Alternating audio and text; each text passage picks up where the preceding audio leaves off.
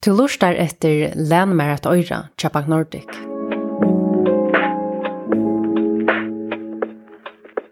Og i det får vi da hossa om negativa rento. Hon er ørvise, ytla domt, og så er hun skapt bei undran og øsing mittel de aller fleste. Og det er kanskje ikke så løye. Du kvui at der vi ver skal rinda penkar for at eia penkar.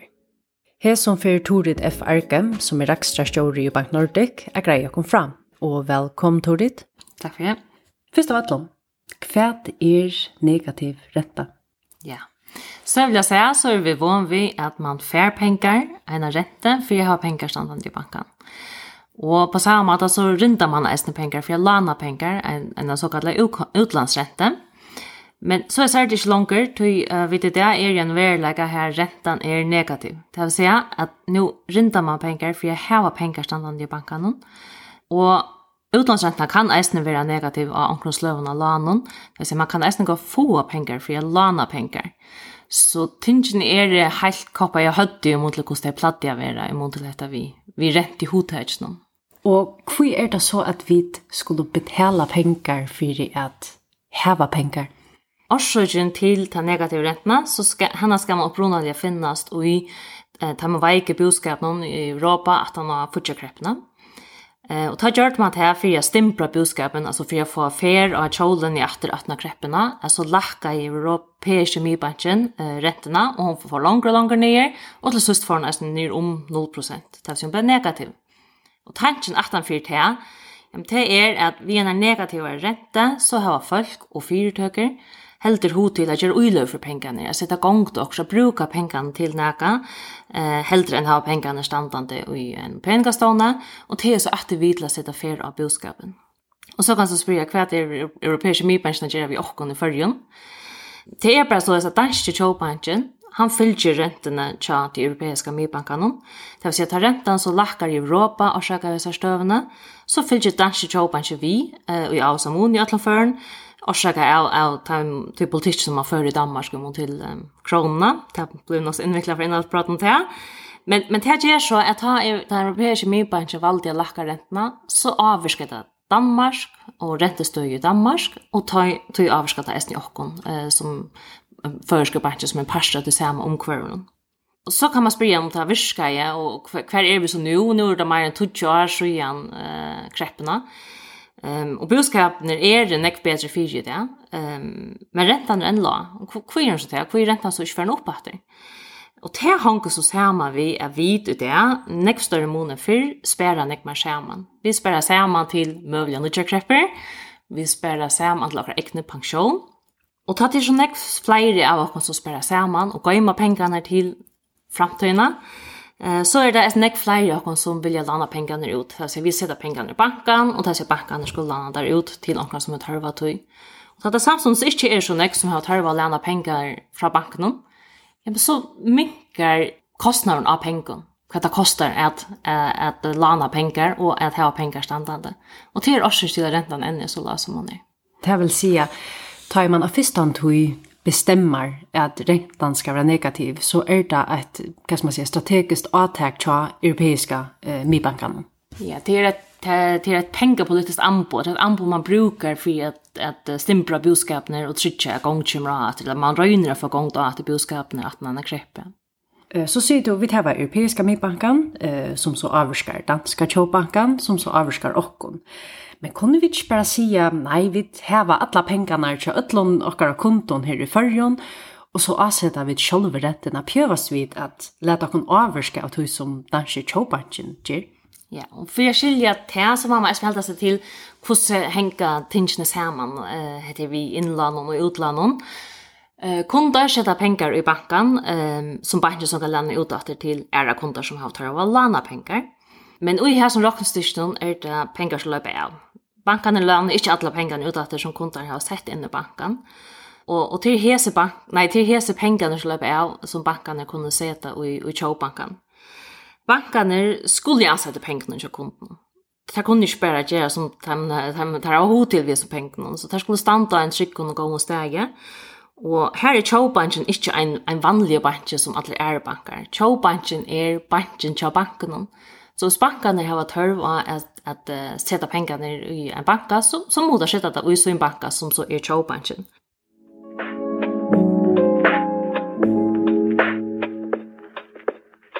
Du var sånn din radio jeg bryr vi, men jeg også jeg graver sinde mer ut høye, så det hever vært vanligt at man rintar bankan om penger for at lana penger, og at man fær rente fra banken og tar man eie penger.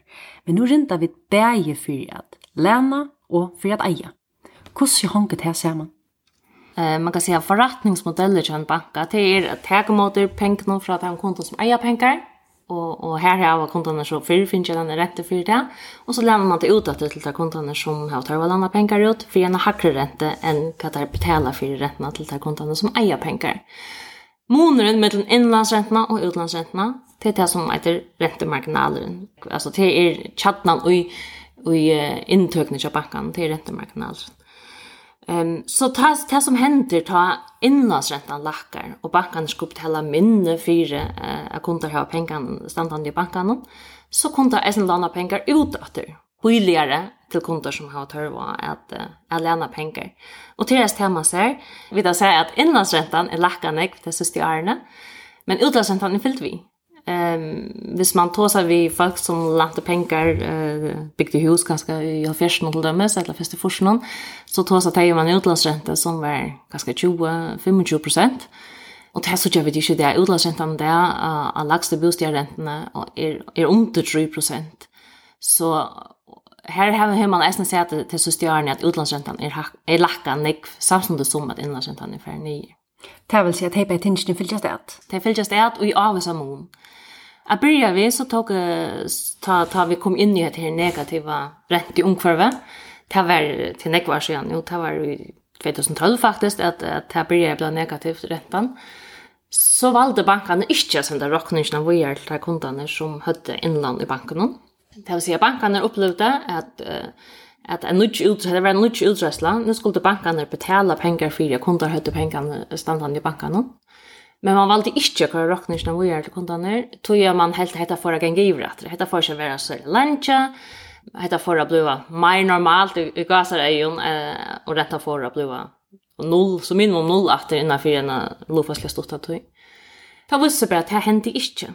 Ehm så bankarna det hade i, i flere år eh, en egen utrøsle av eh, inland og konton som bankarna själva åtog seg til utrøslene. Og det betyder att i två perioderna blir det sån räntemarginalen, moneren med innlandsrentene og utlandsrentene, eh han kommer mot trust. Det nu minka månaden, det vill säga intöknar, intöke grundarläge av banken minkar eisen, det kommer eisen mot trust orsaka av oss nye. Og det er det är så vi orsakar til at at bankene nå, til siste årene, har valgt å si at dette kan ikke holde av fram på denne måten. Vi tar finne noen helt ære forstreiter som gjør at det nå koster å ha innland. Og tog må vi, hvis vi skulle trykke akkurat rakster og reka fyrtøkene kinsamt, senda rockningene vi gjør til ta takkundene som eier seg pengene. Og i alle fall er en avvis av mo er bankene for å gjøre til henne. Vi synes så umynda okkon at tid ikke sender rockningene vi gjør det. Hver avnæringar kunne det ha haft?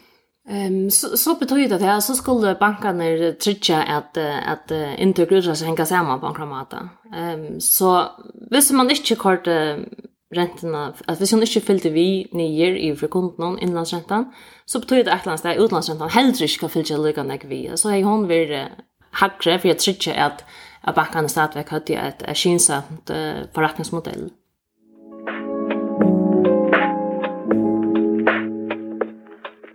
hvis vi skal ta oss om negative renter, så er det helt praktisk. Jeg hva jo konton, skal man gjalda negative renter, hvordan la er negative renten, og opp til hvordan kan man heva utan å gjalda negative renter. Så akkon heter vi områdende å finne en løst, her man kan heva alt sine vanlige gjerne som vi skifter i bankanon, utan å skulle rundt negativ negative renten. Ehm så vi hava vi tjocken kasta här uh, ena uppsparing, samma samansparing till upp till 230 kr. Standande här då inte runda tog upp att ju uppadna. Och att säga att henne kan så ha två vanliga kontor vi har 30 kr för Eh här då helt risker inte negativ ränta. Och, och det är för att trycka är att du kan ställa ett lönekonto och ett konto och så ena en oppsparing av tre, timebankkontoen noen, uh, utan at du var avskar av at vi negativ rentene.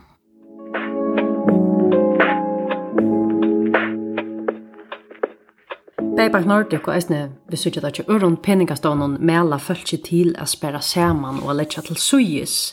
Eh, men Ger Bank Nordic, hva som man sier framvist til at folk skulle gjalda negativa rett og er av tog som de heva innstandande?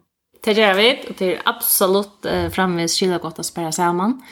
Uh, man kan spære sammen til en, det, altså, det kan være imiske omstår som gjør seg galtande, det kan være man uh, spære sammen til at sitte og kjøpe hus. Uh, et lov kan spære det sammen til dere ekne uh, pensjon, til vi skulle også leva fire om 20-30-40 år, da vi skulle av arbeidsmarsnæren.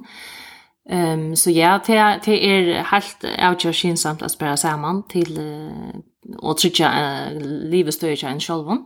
Det som man i det, uh, det skulle man eisen i åren renta, det burde man eisen gjørst åren rentan det negativ, men nå burde det bare til kjønnligere vi til negativ rentene, til man eier forhalda seg til hvordan trykja man seg det beste avkastet av det samarbeidsen man hever. Og her skal man forhalda seg til imisk uh, ting, med andre, her skal man bruka pengene. Til dømes da vi tog som pensjon, så er det for de fleste av oss nok så lengt tog gjørskeit, til nekvar til vi skulle bruka pengene, ta gjev da øyla gode meninger for halda seg til uiløver som, som en av løsten til at sikja det beste avkastet er at han pengene man så spør skjermen. For nek kan uiløver kanskje tidsjas nok så fjerst, og det kanskje nek man ikke la tåre for i holdt vi. Hvis man ikke innskjer til, er det så best at gøyma pengene under kattene? Jag vill säga det är alltid tryggast att ha pengarna i en banka. Det här vet du hos allt vad det är. Om det ligger om du kottar någon eller madrassen eller vad det kan ligga. Ta kommer du bara ska förhålla till några helt andra ting. Alltså här är en avgörs otryggle jag knyter att vad som kan hända i pengarna. Så vill jag helt mela till att man leder sig rådgivning om hur man så kan placera sina pengar eller häva sina pengar eh, på en mata som är kynsamma som den om. Alltså, två är i vi tar imiskan tørv, så det kan godt være at han løsning som er best for te, og mot hvordan du kan se og tøyne penger er en annen for meg. Um, og her er det området der man så leide seg rådgjøving og forheldte seg til. Um, hva betyr dette for meg? Jeg husker om til, la oss se om det finnes negativa rente, sutja tid her i banken er at til og med forbruket fyrir opp, altså jeg husker av hvor for kjøpa hus, eller jeg legger liksom pengene og i onker ting. Alltså oilever kan vara nej det kan nästan vara oilever fasta och och det är sånt de anker som gör. Men för den helt vanliga privatkunden är det vanliga inte en, en, en löst. här sier vi til nekst større mån, och rättla stora mån, att kundar leida sig rådgivning om uh, oilever, och för å få innledd og kan heta mestre och hur man kan skru en løs samman som man selv føler seg tryggende ved och som höskar till till støvna man är i. Här har vi sett en en rettelig stor han det så står i i täli av vanlige privatkonton som har ledat seg rådgjøring om om